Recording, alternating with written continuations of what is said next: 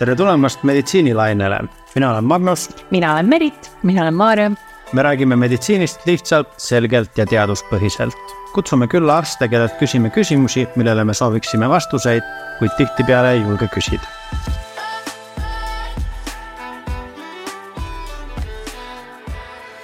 Asume jälle meditsiinilainele ja täna räägime sellisest teemast, mida mul on isegi raske lausuda, aga ma proovin. see on gastroenteriit ja meil on äh, siin stuudios külas Carolina Potissepp, kes on infektsioonihaiguste resident. tere, Carolina. tervist, mul on väga hea meel siin täna teiega meditsiini teemal vestelda. tere ka minu poolt eriti sellisel teemal, mis äh, ma arvan, et igalühel elu jooksul tuleb ette ja mille, mille nõuandeid võiks, äh, võiks äh, osata rakendada kodus igaüks. aga alustame siis sellest, et mis asi see gastroenteriit üldse on? gastroenteriit on haigus, mis kulgeb kõhulahtisuse ja, või oksendamisega. sisuliselt on ta põletik maos ja peensooles ja neid põhjuseid on väga palju, aga nagu me loodetavasti edaspidi ka räägime, siis enamasti on need viirused, mis seda põletikku mm -hmm. põhjustavad. aga loomulikult tulevad siin arvesse ka erinevad bakterid, algroomad, äh, parasiidid, et neid, neid variante on mitu. ja et lisaks äh, seedetrakti kaebustele võib olla ka muude organsüsteemide poolseid kaebusi, eriti siis, kui meil on tegemist haiguse tüsistusega. ehk siis neid variante tegelikult on ikkagi väga, väga palju ja erinevaid, jah? just, et äh, nüüd näpuga kohe näidata äh, mingisuguse süüdlase peale mm -hmm. on keeruline ja, ja edasi küsimus ka, et kas see on alati vajalik. jah, just, et gastroenteriit äh, esineb ähm, elu jooksul peaaegu kõigil. ja kui me vaatame nüüd äh, nendele arvudele otsa, siis juba ainuüksi noroviiruse poolt põhjustatud haigust esineb maailmas üle seitsmesaja miljoni korra ja nagu me rääkisime, neid põhjuseid on palju rohkem mm -hmm.. ühesõnaga Noro läheb ka selle alla, see on mulle tuttav äh, sõna, sõna nagu vähemalt, et, et, et noroviirus läheb ka selle asja alla. just, noroviirus äh, on üks nendest kõige sagedasemini esinevatest viirustest, aga üks on veel, võib-olla te oskate selle ära arvatagi ei oska vähemalt praegu öelda. ja siis küll. on raudselt nii, et kui sa selle nüüd ütled, siis me oleme mõlemad mingi muidugi. just et tegemist on rotaviirusega ah,. jah, jah. jah, teame. just, et see viirus on ka nüüd äh, väga oluline selle teema juures, aga võib-olla järjest vähem äh, sellist rasket haigestumist põhjustav, kuna mm -hmm. meil on alates kahe tuhande neljateistkümnendast aastast olemas ka vaktsiin mm, -hmm. mis on meie riiklikus vaktsineerimise kavas olemas ja, ja siin noh, loomulikult me räägime kõigepealt ikkagi äh, väikelastest selle haiguse puhul mm. -hmm kuni viieaastased lapsed kõige sagedasemini haigestuvad äh, sellesse haigusesse, muidugi ka täiskasvanud, aga eelkõige ikkagi lapsed viirusnakkustesse. ja, ja kui me vaatame nüüd noh, on loogiline küsimus, et, et kui palju siis, et yeah. tõenäoliselt nüüd kuni kolme elu, kolmanda eluaastani on äh, ühel lapsel üks kuni kaks episoodi aastas. et see. et ühe, ühe aasta jooksul on. ühe aasta jooksul just ja kui me vaatame nüüd äh, noh, üldse inimesi, nii-öelda lapsi ja täiskasvanuid koos, siis see levimus on kuskil kümme protsenti.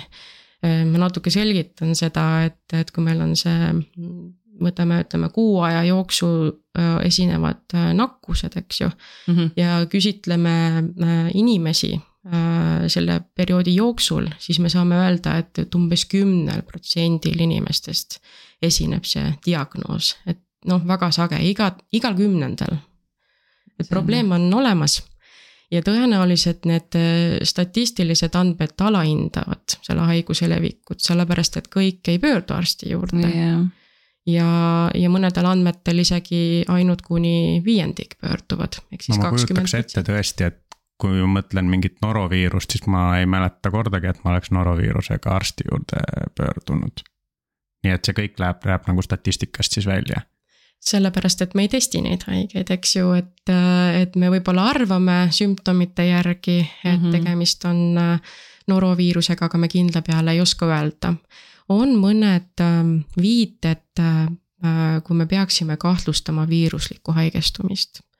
see on tavaliselt hästi nii-öelda ägedat al-, algav äh, sümptomaatika. tema peiteperiood on kuskil päev kuni kolm mm, -hmm. algab kiiresti ja, ja ta ka lõpeb kiiresti, et enamasti sellesama aja jooksul ta selle päev kuni kolm ka lõpeb. Aga ägedaks äh, gastroenteriidiks nimetatakse kaebusi, mis kestavad nädala jooksul, et seal see normi variant või ütleme, haiguse puhul normaalne kestus, kui nii võib öelda, on natuke pikem ja see mhm. sõltub mm -hmm. nüüd äh, väga paljudest faktoritest. aga kas ma saan midagi ise kodus ära teha, et ma saan aru, et, et see on väga levinud, aga kuidas ma ise seda saan ennetada, et, et minule see külge ei tuleks mm? -hmm. Et selle küsimuse vastamiseks äh, peaks arutama läbi selle teema, kuidas, kuidas gastroenteriiti tekitavad Ähm, mikroorganismid levivad.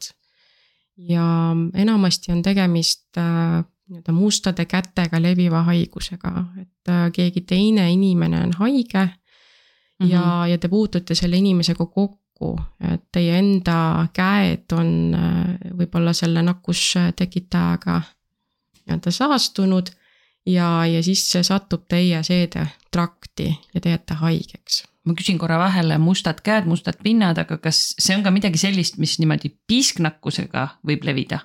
just, see on hea küsimus, et tegelikult äh, on äh, ka näidatud, et äh, needsamad viirused võivad levida ka aerosoolidena mm.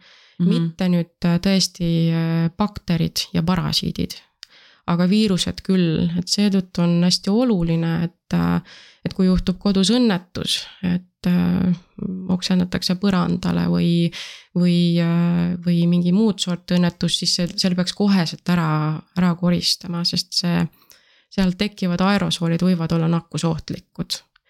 et klassikalises mõttes ei ole mingisuguse äh, õhklevi äh, haigusega tegemist, aga tõesti need aerosoolid mõnede tundide jooksul seal võivad olla, mis võivad osutuda oluliseks ja võivad ka anda inimesega vesteldes nagu infot, et äh, kust see haigus on alguse saanud mm. -hmm. tõite siin välja ka pinnad mm -hmm. ja mõned, äh, mõned tekitajad, nüüd gastroenteriidi tekitajad, nii viirused kui ka bakterid on pindadel äärmiselt hästi püsivad.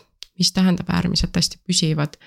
me räägime päevadest ja mõnede mikroobide puhul isegi kuudest ja, ja kõlab sellise, päris hirmutavalt tegelikult. just, et, et tegelikult selle, mm, sellega tuleb arvestada, et kui meil on kodus keegi, kes on haige, siis see pinnakoristus on vähemalt sama tähtis kui kätepesu mm. -hmm.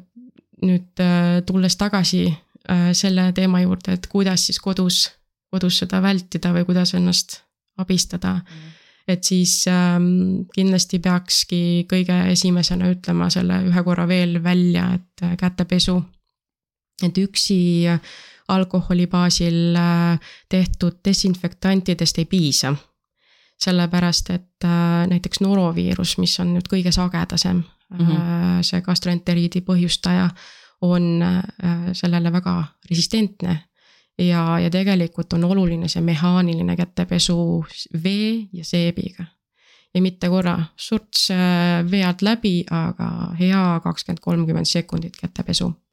põhjalik pesu nagu just. seal paberi peal see õpetus on, on ju, et sõrmed ja peopesad ja sõrmeotsad ja kõik. just, et WHO-l on ka kätehügieeni juhend olemas, kui kedagi huvitab, et seal on väga ilusti skemaatiliselt näha, missuguseid liigutusi võiks teha ja mõnikord ei tulegi selle peale, et näpuotsad ja küünealused ja pöidla, pöidla ümbrus, et, et tuleb üle käia mm. -hmm. see on väga hea nõuanne, ma olen ise kuidagi alati mõelnud, et see äh, nagu käte desinfitseerimine nagu trumpab kõige üle, aga tegelikult ei ole niimoodi, et see mehaaniline vee ja seebiga ikkagi on, on ka väga vajalik mehaaniline, mehaaniline vee ja seebiga pesemine on kindlasti selle äh, infektsiooni leviku takistamise seisukohast kõige olulisem ja noh, meil on keeruline lastele öelda, et palun ära puutu nüüd seda näopiirkonda ja sellepärast, et äh, nende see viis, kuidas nad, kuidas nad maailma kohta õpivad, et käibki läbi selle kompamise ja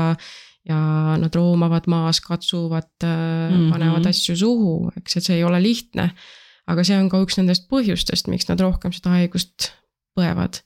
ja neid põhjuseid on veel, näiteks ähm, Äh, kui me vaatame vastsündinut, siis äh, temal on äh, sünniga kaasa tulnud teatud immuunkaitse oma emalt mm. -hmm. ja kui ta on veel rinnapiimatoidul, siis on eriti hea, et lisaks nendele antikehadele, mida ta rinnapiimast saab, on seal rinnapiimas veel aineid, mis aitavad infektsiooni vältida. aga edaspidi see immuunvastus nagu langeb ja, ja kui me võtame arvesse, kui noor see organism on ja kui vähe kogemust tal ümbritseva keskkonnaga on infektsioonide näol, siis, siis seal puudub nagu see mm, tugev kaitse mm, -hmm. me elu jooksul omandame kogu aeg immuunvastust erinevatele äh, mikroobidele ja, ja, ja see on üks põhjus, miks täiskasvanutel see haigus äh, vähem fulminantselt või vähem väljendunult äh, nagu avaldub ja, ja, ja tõepoolest, et esmased episoodid võivad olla hoopis raskemad kui korduvad mm. -hmm. ja õnnetuseks me neid haigusi põeme korduvalt, et see tuleneb sellest, et äh, neid mikroobe isegi ühe nimetuse all, kui me ütleme rotaviirus või noroviirus, seal on palju alatüüpe ja isegi ühe hooaja jooksul ringleb äh, mitu erinevat alatüüpi nad äh, mingil määral sellist ristimmuunsust annavad, see tähendab seda, et kui me selle haigusega nakatume, me põeme, me saame antikehad, siis mingil määral need teiste tüüpide suhtes nagu aitavad ka mm. -hmm. aga, aga nad ei, päriselt nagu seda haigestumist edaspidi ära ei hoia.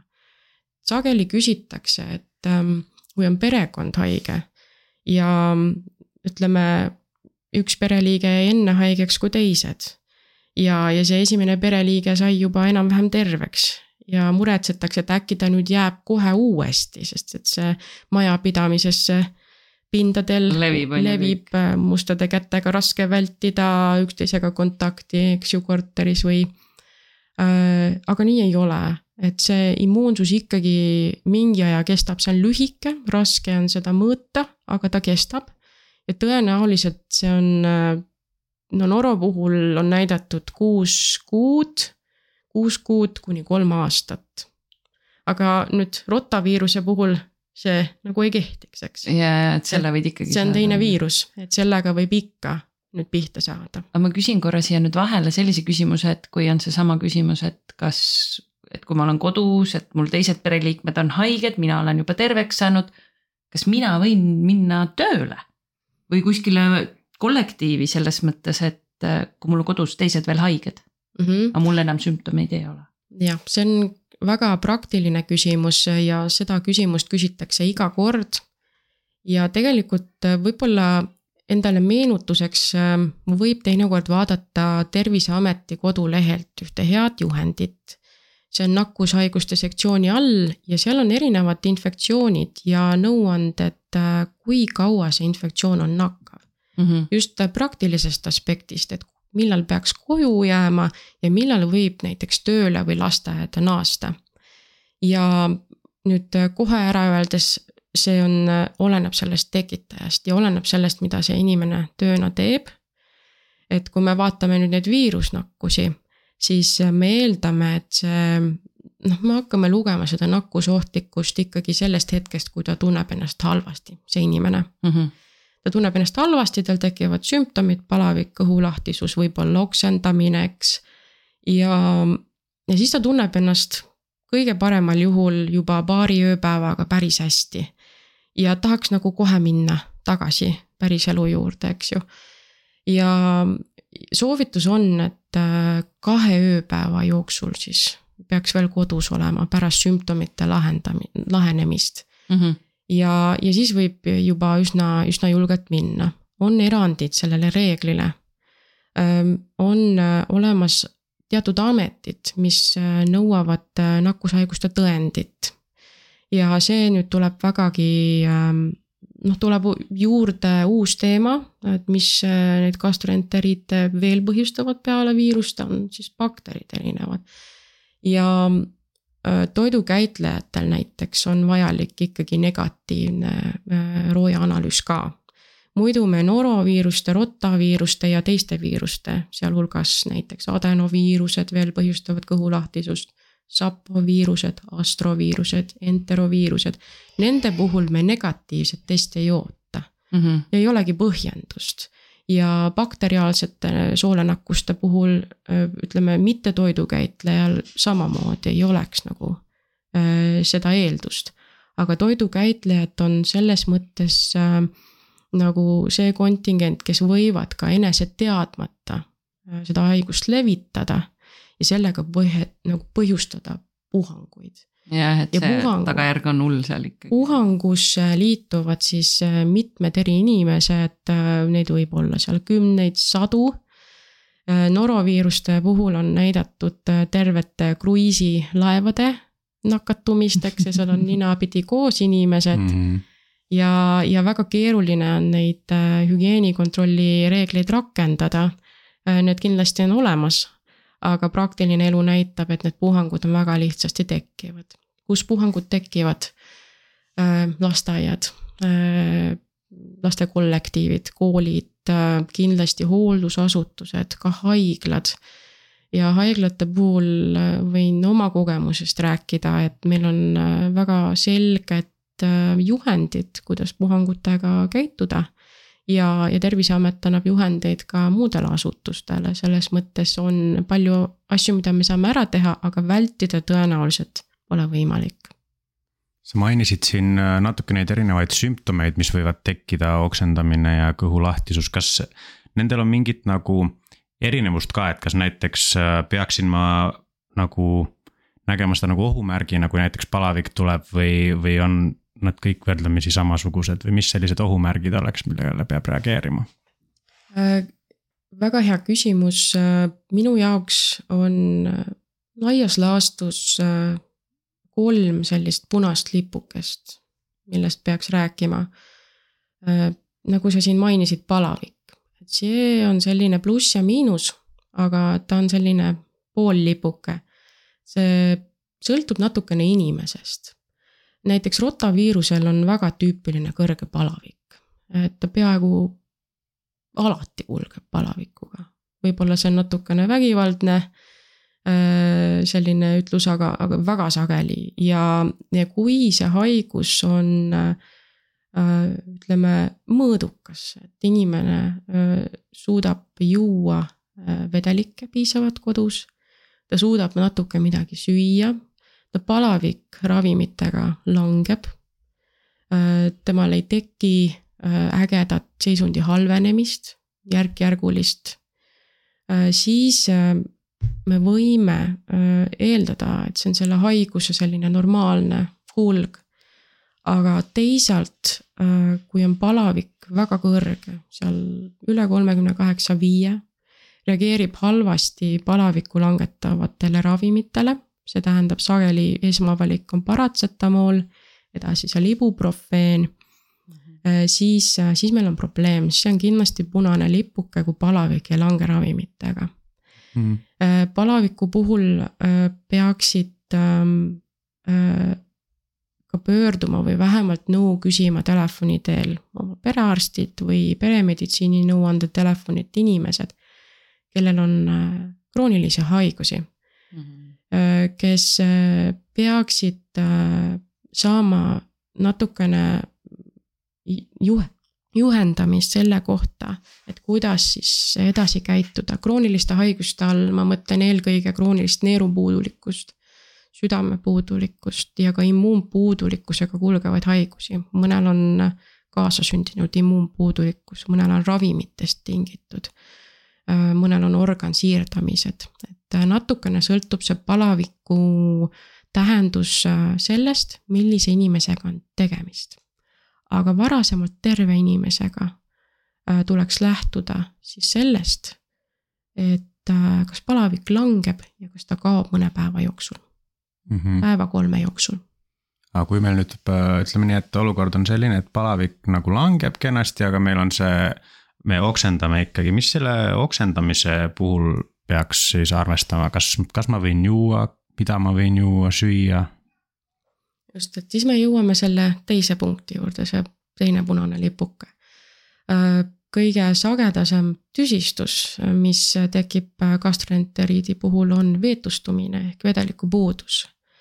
ja selle puhul tuleks alati hinnata raskusastet. mis on raske, on natukene sõltub sellest, kas meil on lapsega tegemist või täiskasvanuga, aga üldiselt üle üheksa protsendi kehakaalust on juba raske, raske vedeliku puudus ja see inimene on letargiline, ta on loid. ta tähendab letargiline. loid, osavõtmatu, äh, silmnähtavalt äh, äh, võib-olla noh, kontakt järjest väiksem, siis teadvuse poolt veel lisaks see, et ta limaskesed äärmiselt kuivad, naksuvad.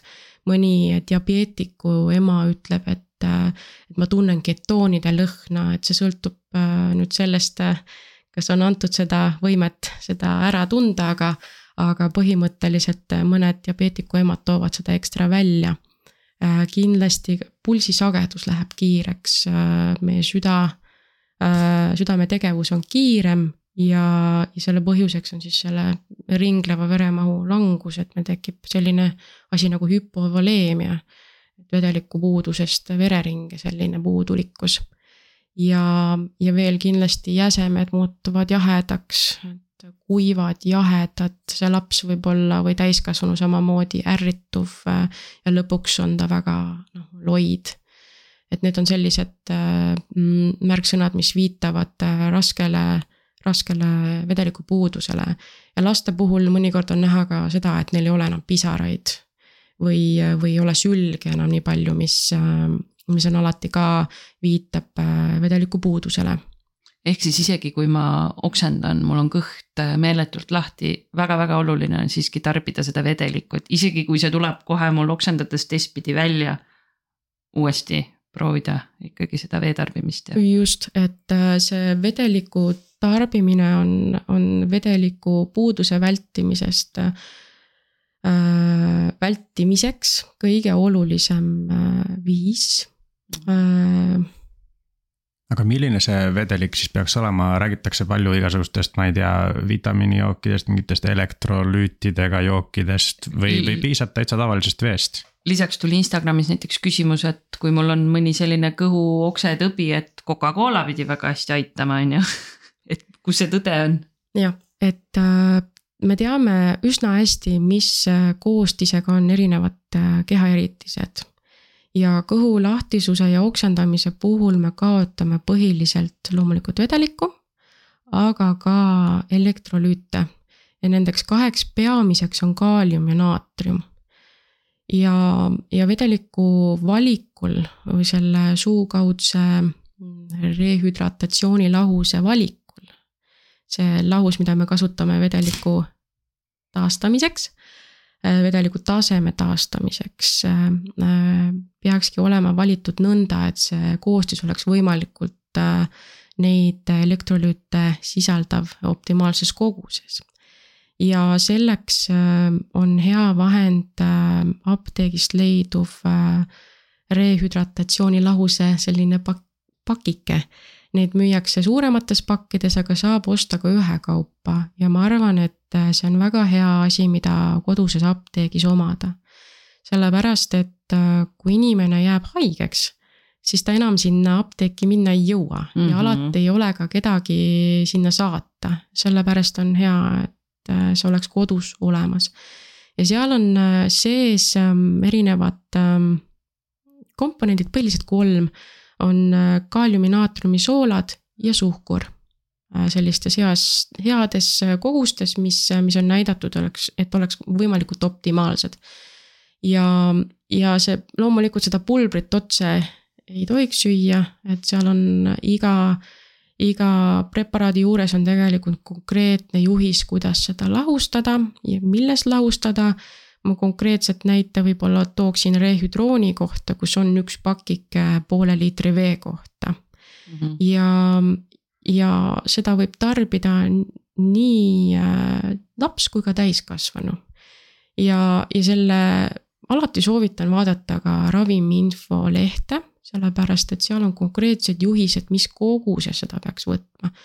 ja rehudrooni näitel äh, peaksime vaatama kõigepealt, et kas me ennetame vedelikupuudust mm -hmm. või me taastame juba kadunud vedelikku, et selles mõttes, et vedeliku puudusega inimesel, eks. ja, ja need kogused on natukene erinevad mm. -hmm. ja loogika on siis selles, et äh, see sõltub kaalust. Äh, vedeliku vajadus äh, sõltub kaalust ja kui me vaatame väikelapsi alla kümne kiloseid siis äh, nende, nende puhul see mm, iga vedela väljaheite episood tõenäoliselt vajaks äh, äh, viiskümmend kuni sada milliliitrit seda lahust. täiskasvanute seda on juba rohkem, sada, kakssada milliliitrit sellist, seda lahust, et ennetada vedelikupuudust ja noh, täiskasvanutel võib seda mitu liitrit olla kokku päeva jooksul ja, ja nendest juhistest tulekski lähtuda. nüüd äh, sage küsimus on, et mul on ju oksendamine, et ma ei saa seda suu kaudu võtta, kas ma peaksin pöörduma haiglasse, EMO-sse äh,, perearsti juurde. aga on mõned nipid, mida võiks kodus proovida, et ähm, et kohe pärast oksendamise episoodi võiks teha seal viisteist, kolmkümmend minutit pausi. et kui kohe anda seda lahust, siis see võib nagu ka koheselt välja tulla mm. -hmm. ja siis ta ei täida oma eesmärki. aga teha väikene paus ja alustada tõesti väga väikestest kogustest iga viie-viieteist minuti tagant. lusikas, lusika täis, paar ja siis vaikselt neid äh, koguseid suurendada ja nii on selle õnnestumise protsent äh, kõrgem ja see toimib tegelikult enamustel juhtudel. kui ei toimi, et see on jällegi see punane lipukene, suukaudne äh, vedeliku tarbimine ei õnnestu, et see viibki veetustumiseni. ja kui, äh, kui see oksendamine on nii, nii sage et, et teda on iga viie minuti tagant, mõnikord lugematu kord, siis targem on pöörduda ikkagi EMO-sse. ja lisaks sellele EMO-sse pöördumiseks on äh, veel nõuandeid, et äh, me rääkisime sellest, kuidas äh, see vedeliku hulk, mida me kaotame oksendades või kõhulahtisusena on väga suur ja me ei suuda seda suu kaudu taastada või ennetada. aga kindlasti üks, üks teine punkt, mida peaks arvestama, on vereiste.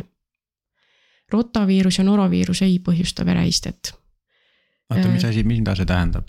vere, vereiste? vereiste on äh, selline kõhukaebus, kus äh, väljaheites on veri okay.. Mm -hmm.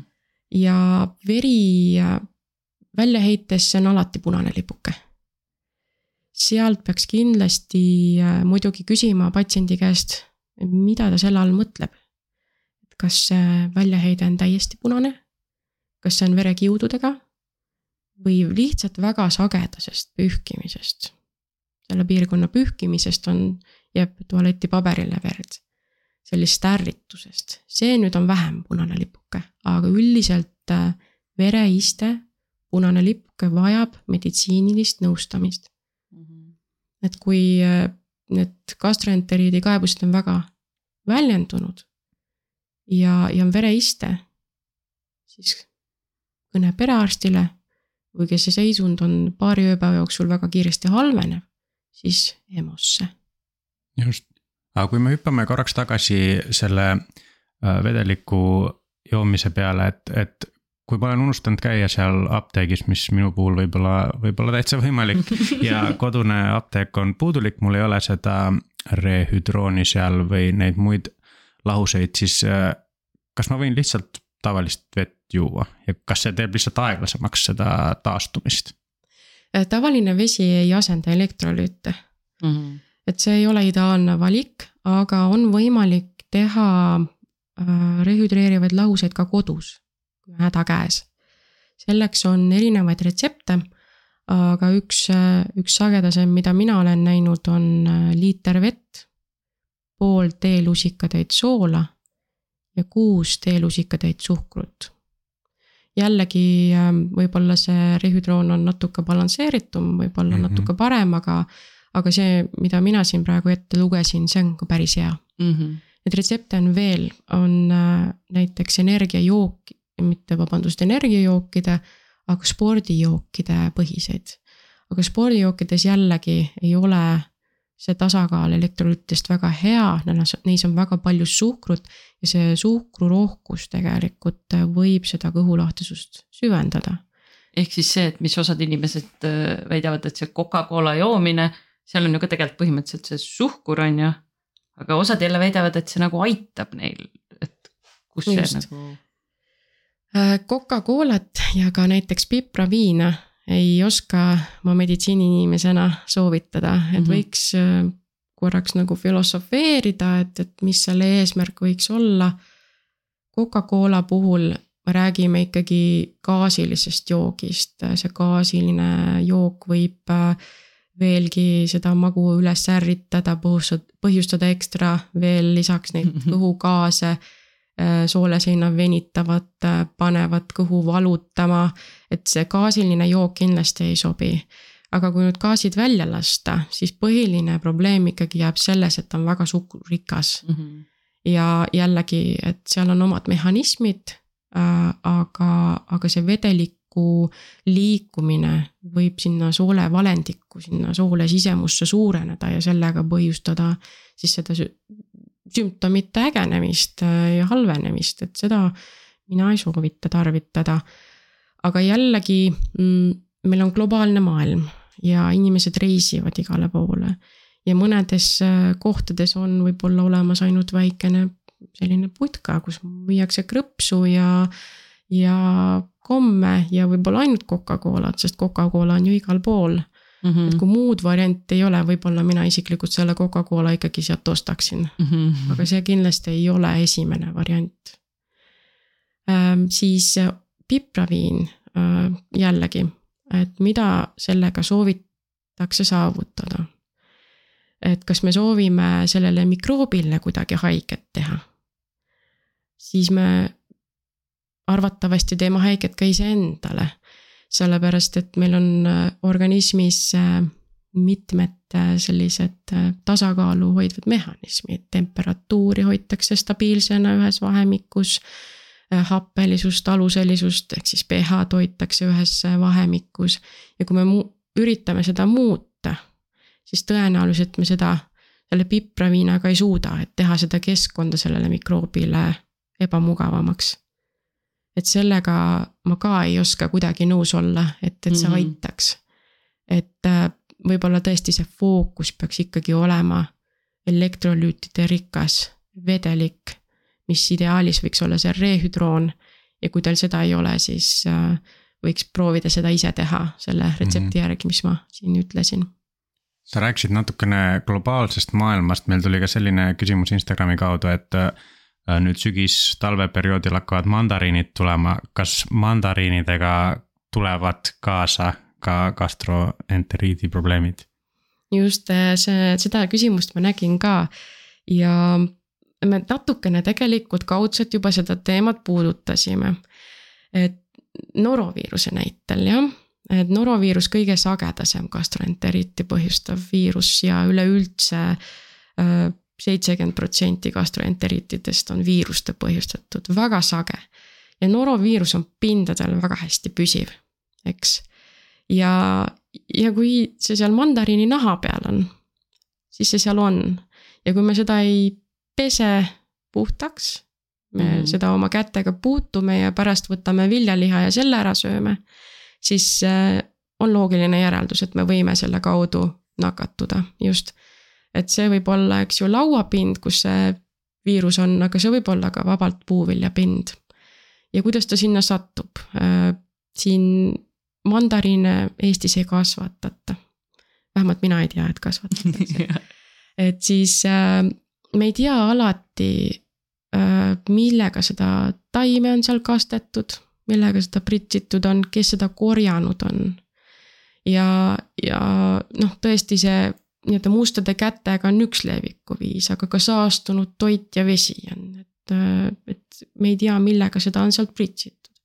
ja, ja tegelikult see ei kehti ainult mandariinide puhul, see kehtib teiste puuviljade puhul ka, et võib, võib saada gastroenteriiti tekitavad viiruseid äh, sealt puuvilja pinnalt.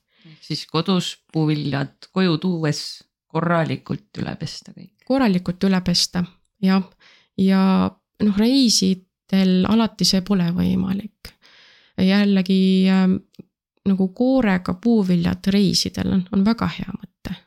et kui õnnestub niimoodi see puuvili sealt kätte saada, et me ei äh,, ei puutu sõrmedega viljaliha, siis äh, see on üks hea nõuanne, mida seal jälgida mm. -hmm. lisaks käe, käte pesemisele, eks ju ma korra veel küsin nüüd siia, et kui mul on need vaegused, see oksendamine ja kõhulahtisus ja mul on ikkagi pea valutab ja mul on kerge palavik ja. et sa mainisid, et on see paratsetamool ja ibuprofeen, eks ole. aga laialt levinud on ka see tõde, et söö soe, söö tabletti. no spa tuleb mul tuttav ette kõhuhädade korral, kuidas nagu nendega on mm? -hmm. lisaks äh, nüüd sellele suukaudsele rehüdreerivale lahusele, millest me oleme pikalt rääkinud, on ka muid äh, sümptomeid leevendavaid ravimeid, mida saab kasutada. aga nende puhul on oluline see, et see fookus on ikkagi vedeliku tarbimisel, eks mm. -hmm. et me ei tohiks ähm, proovida äh, võtta igasuguseid ravimeid sisse, ilma et me oleks paralleelselt ka piisavalt vedelikku tarbinud. sellepärast, et see põhjus ikkagi, miks haiglasse satutakse või see enesetunde halvenemine on sageli ikkagi sellest vedeliku puudusest.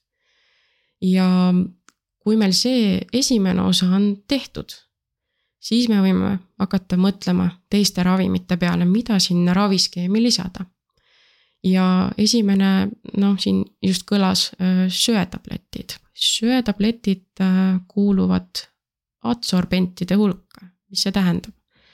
see tähendab seda, et nad peaksid siduma äh, soole sees neid tekitajaid mm, -hmm.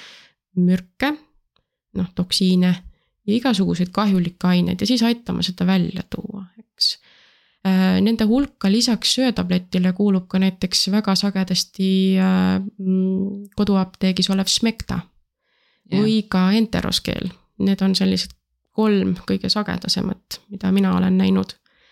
ja ei ole mõtet neid kõiki kolme korraga võtta, et tavaliselt ühe ravimgrupi sees me soovitame ühte kasutada äh, on mingisugust tõenduspõhisust ikkagi selle Smecta osas ka mm. -hmm. et, et ta vähendab seda kõhutegevuse sagedust. aga jällegi rutiinselt me seda nagu ei soovita, et noh, et, et peab võtma, ta mm võib aidata, ta võib seal lisaks olla, äh, kui seda õnnestub võtta. sellepärast, et laste puhul me sageli näeme, et sellised halva maitsega savias konsistents et nad kipuvad selle välja oksendama ja siis on yeah. nagu halb, et ei saa anda vedelikku. siis proovime uuesti seda smektat anda, siis ei õnnestu nagu see ka väga hästi mm. -hmm. et mhm. siis tuleks jääda ikkagi selle vedeliku peale ainult. aga ta on selline toetav äh, variant, üks nendest. siis äh, on meil olemas ka ravimid, mis äh, nii-öelda vähendavad seda, seda vedelikku mm, eritumissoole sisemusse või sinna valendikku. ja see on nüüd retseptiravim nimega Hidrasec. samamoodi kasutusel olev ravim, aga see vajab ikkagi otsest äh, äh, perearsti juurde pöördumist, see on retseptiravim, aga mujal maailmas, Aasias võib ta olla kättesaadav ka ilma retseptita.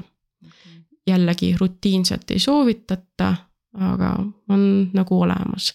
et ei peaks laskma nagu ennast nii-öelda segadusse viia nendest kõikidest ravimitest, et tõenäoliselt on mõistlik võtta sinna üks juurde, et mida proovida, kui see aitab, siis, siis on hästi. Äh, nüüd kindlasti ka soole sellist motoorikat või see, kuidas sool liigub, neid, seda vähendavat ravimit, mille nimi on loperamiid. Äh, palju, palju küsitakse, et kas ma saaksin, kas ma võiksin aga loperamiidi puhul tuleb äh, tähele panna, et see ei sobi lastele. ja äh, seal ravimiinfo lehel on konkreetselt kirjas, et äh, alla kaheteistaastastele lastele ei sobi ta üldse. ja, ja kindlasti seda ravimit tarvitades meil peaks olema idee või ütleme, viide, et see on ikkagi mingisugune viiruslik haigus sellepärast et bakteriaalsete haiguste puhul seda ravimit ei kasutata, vereiste, kõrge palavik, spastilised kõhuvalud, äh, sellised äh, väiksed portsjonid äh, tualetis käimisel, roojamisel. et need on viited, et võiks tegemist olla bakteriaalse soolonakkusega ja sellisel juhul see loperamiid üldse ei sobi. Ja see tõstab soolesulguse riski et see on selline haigus, mis vajab haiglaravi. Äh, loperamiidil mina näen ühte praktilist äh, kasutusvõimalust. et äh, kui teil on vaja lühiajaliselt sümptome leevendada, näiteks lennuki peale minna mm -hmm. või bussi peale istuda. no kuidagi muud moodi ei saa, vaid peab minema. Siis, siis ta on nagu õigustatud lühiaegselt ja ja nagu hädaabina mm. -hmm. ja samas jällegi koos vedeliku tarbimisega. oleme rääkinud siin päris palju sellest, et mida me ise saame kodus võib-olla ära teha, aga kui olukord on nüüd läinud nii jamaks, et me oleme seal EMO-s või, või juba arsti juures, siis mida haiglas siis esimesena tehakse või mil, mil, mil, mida arstid saavad teha, et nagu asja kiiremini paremaks teha mm? -hmm meile tuleb äh, inimene, kes on kodus oksendanud lakkamatult äh, iga viieteist minuti tagant. tal kõht käib läbi kaheksa kuni kümme korda, võib-olla tal on palavik, võib-olla ei ole. võib-olla tal on ainult palavik kolmkümmend üheksa korda ja, ja ta on kaks korda oksendanud, aga tal on kroonilised haigused.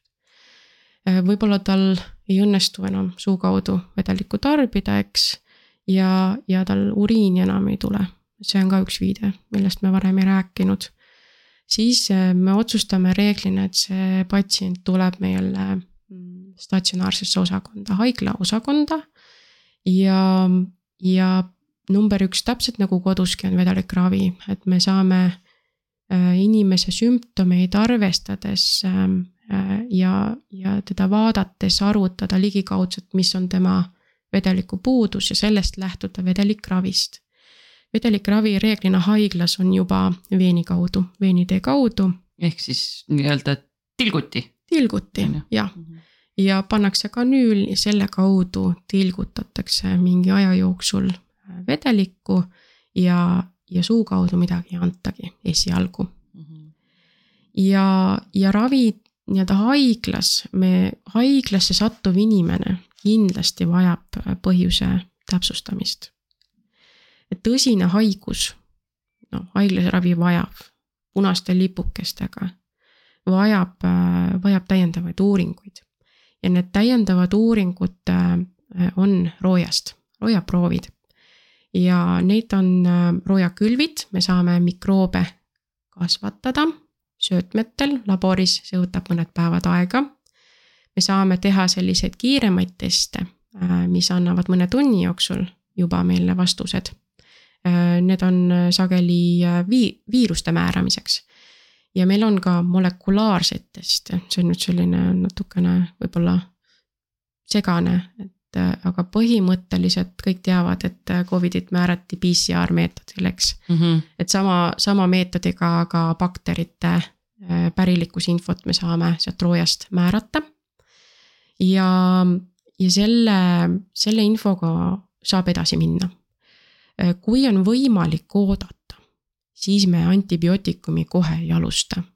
me üritame täpsustada, mis selle kõhulahtisuse või oksendamise gastroenteriidi põhjuseks on. sellepärast, et ähm, on äh, mikroobe, mille puhul äh, tegelikult antibiootikumiga võime kahju teha. juttu oli siin natukene salmonellast ja, ja, ja kampylobakterist. aga, aga tegelikult on seal olemas ka soolekepikese sellised äh, alavariandid, soolakepp, soolekepike on meil muidu seedetraktis olev normaalne mikroob aga ta võib põhjustada ka kõhulahtisust, teatud tüved sellest. ja, ja mõnede puu-, mõnede puhul antibiootikumi äh, tegemine äh, kahjustab äh, inimest. ja see põhjus on selles, et nende mikroobide enda virulentsusfaktorid, see tähendab, need, struktuurid, millega ta haigust põhjustab, võivad suures koguses vabaneda kui me selle mikroobi nii-öelda ära, mikroob, mikroobi ära tapame antibiootikumiga, tema need äh, toksiinid võivad jääda ja need toksiinid võivad põhjustada neerupuudulikkust ja, ja vereloomet kahjustada ka. et me peame teadma, mida me ravime ja, ja sellega saab siis, äh, selle saab selgeks siis, kui me teeme täpsustavad uuringud. kui inimene on šokis, vererõhku ei hoia, äh, puudub uriin, ülikõrged põletikunäitajad veres. et siis me alustame ka sellist empiirilist antibiootikumi, mis tähendab kogemuste põhjal, uuringute põhjal sobivamat, sobivamat antibiootikumi. et siis need antibiootikumid on omal kohal. aga kodus tarvitamiseks rutiinselt kõigile kõhulahtisuse haigetele me kindlasti ei kirjuta antibiootikumi mm. -hmm et see on ikkagi lähtuvalt patsiendist. lähtuvalt patsiendist ja, ja miks selle põhi, miks, miks nagu me nii teeme, on see, et äh, enamus haigusi läheb ise üle mm. -hmm. Nad lähevadki üle. ja kui seal tekib see normist kõrvalekalle, eks, liiga pikalt ei allu palavik ravimitele, veriiste, äh, tõsised vedelikupuudused, nähud, et siis ta, siis ta läheb nagu teist teed pidi, see käsitlus siis peab juba pöörduma meditsiini poole.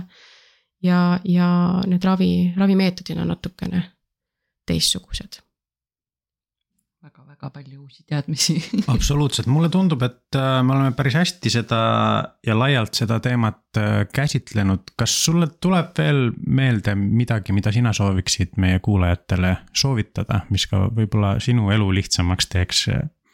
kuulge, aga probiootikumid et me see... sellest ju ei rääkinud. mis ja. need on?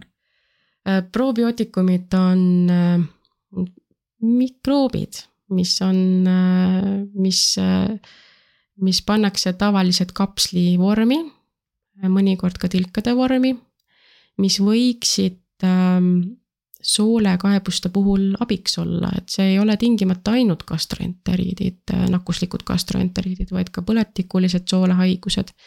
seal uuringutes kindlasti ka ärritunud soolesündroom ja, ja palju-palju selliseid uurimisvaldkondi, kus temast võiks abi olla. Äh, seda teemat äh, ma olen üllatunud, et ma ise tõstatan, sellepärast et seda ei ole väga lihtne äh, lihtsaks teha. sellepärast, et probiootikumide osas on palju uuringuid käimas, need on palju juba olnud ka aga meil ei ole väga tugevaid soovitusi nende kasutamise kohta, et äh, seisundeid, mille puhul nagu väga tugev soovitus oleks probiootikumi kasutada. et kui me tuleme äh, nüüd äh, nakkuslike gastroenteritide juurde, nakkusest põhjustatud gastroenteritide juurde, no needsamad viirused ja bakterid, eks. et siis ähm, selle aasta alguses äh, tuli välja juhend, kus, ähm, kus tegelikult soovitati lastel äh, viirusliku gastroenteriidi puhul neid probiootikumi võtta, et kui meil on viirushaigestumiseks sobiv kliiniline pilt ja tegemist on lapsega, et siis on mõistlik soovitada probiootikumi kasutamist. et äh, selle, selle mõttega, et ta lühendab haiguse kestust. ta lühendab circa üks päev ja noh, et see nüüd väga tugev tõenduspõhisus ei ole, mm, -hmm. aga arvestades äh, neid andmeid, mis meil on, mõistlik soovitada mm. -hmm. täiskasvanutega natuke keerulisem jah, et äh, kas rutiinselt peaks soovitama, niimoodi ma öelda ei saa. et sellega on natukene keerulisem, aga võib proovida. ja sagedasti on nendes uuringutes ka ikkagi välja toodud täpsed need mikroobid, mida sinna probiootikumi on nagu pandud, mõnikord on ka mitu koos. ja sagedasti on see Saccharomyces boulardii enteroli nimega, võib-olla on tuttav ka teile. et tema on meie apteekides saadav ka. võib proovida, aga eriti lastel võiks viirusliku haigestumisega proovida. aga neid võiks võtta siis, äh, siis kui see haigus juba nii-öelda on, mitte ennetavalt? Jah, et äh, siis, kui see haigus juba on ja soovitus oli seal viis kuni seitse päeva. selline soovitus, võib-olla me saame aja jooksul infot juurde, oskame veel täpsemaid soovitusi anda. aga praegu probiootikumidega me oleme sealmaal, et me saame öelda, et, et tõenäoliselt lastel lühendab natukene haiguse kestust. no lapsele kindlasti juba, kui ta mõnevõrra seda lühendab, siis on Just. kõigi elu lihtsam see üks päev on nõus. ka ikkagi väga nagu kulla hinnaga. olen nõus täielikult. Äh, võib-olla veel ka sellest, et ähm, me rääkisime siin vedelikust ja, ja ravimitest ja probiootikumist ja, aga mis saab äh, dieediga? mis saab äh, toiduga? Ja tegelikult soovitus on hakata ikkagist äh, kohe, kui seedetrakt äh, võtab, see tähendab seda, et, et kohe ei teki okserefleksi, eks mm. -hmm. ja, ja kui vedeliku selline tasakaal on saavutatud ja see oksendamine on lõppenud, kõhulahtisusega me ei oota, et see lõpeks. aga just see piirav piirav faktor, et, et oksendamisega lihtsalt ei õnnestu midagi alla neelata. et siis tegelikult äh, võimalikult ruttu. ja, ja paralleelselt näiteks rinnapiimal olevatel äh, lastel äh, soovitatakse jätkata toitmist lihtsalt sagedasemini ja väiksemate kogustega. kas seal toidu osas on ka nagu eraldi mingeid soovitusi, et ma tean kuidagi selle perest on tulnud see, et sööd kuivikuid või banaani või on seal kuidagi nagu vahet? jah, äh, tegelikult äh, ei ole andmeid selle kohta, et me peaksime väga piirama toitu mm, -hmm. et äh, tuleks lähtuda talupoja mõistusest. mis teeb ikka enesetunde halvaks, seda võiks vältida. näiteks noh, kui me üritame suuremates kogustes midagi korraga süüa, siis tõenäoliselt meil tekib kõhuvalu ja puhitus, eks, et see, see kogused võiksid algatuseks olla väiksemad aga muidu nende toidugruppide osas midagi välja jätma ei peaks mm. -hmm. et arvati või, või ütleme, on kirjeldatud ka sellist äh, lühiaegset laktoositalumatust just selle põhjusega, et, et äh, need mikroobid võivad sealt soolehattude, eriti hatutippude piirkonda kahjustada, kus see ensüüm asub, mis seda laktoosi nagu menetleb aga see on taastuv ja, ja kui on selge seos, et, et piimatoode ei sobi või ägestab, siis võib selle kõrvale jätta. aga rutiinselt ei peaks seda tegema mm. -hmm. muidu praktiliselt tavaliselt hästi õnnestub võtta igasuguseid puljongeid, riisi, suppe, tõesti need kuivikuid, aga tegelikult rangeid piiranguid ei ole, aga need lähevad kõige paremini peale mm. -hmm väga hea teada. absoluutselt. nii et äh, meie kuulajad, sööge suppi ja ja kõhu, kui on, kui on ikkagi kõhu ja oksehäda ja kehv olla, et võimalikult palju vedelikku tarbida. jah, vedeliku tarbimine kindlasti oleks see number üks asi, mida siit kaasa võtta. aga suur aitäh sulle. palun. suur aitäh aitäh, et oled meiega meditsiinilainel. leiad meid ka Instagramist ning postkasti ootame küsimusi ja tagasisidet. kohtumiseni järgmisel lainel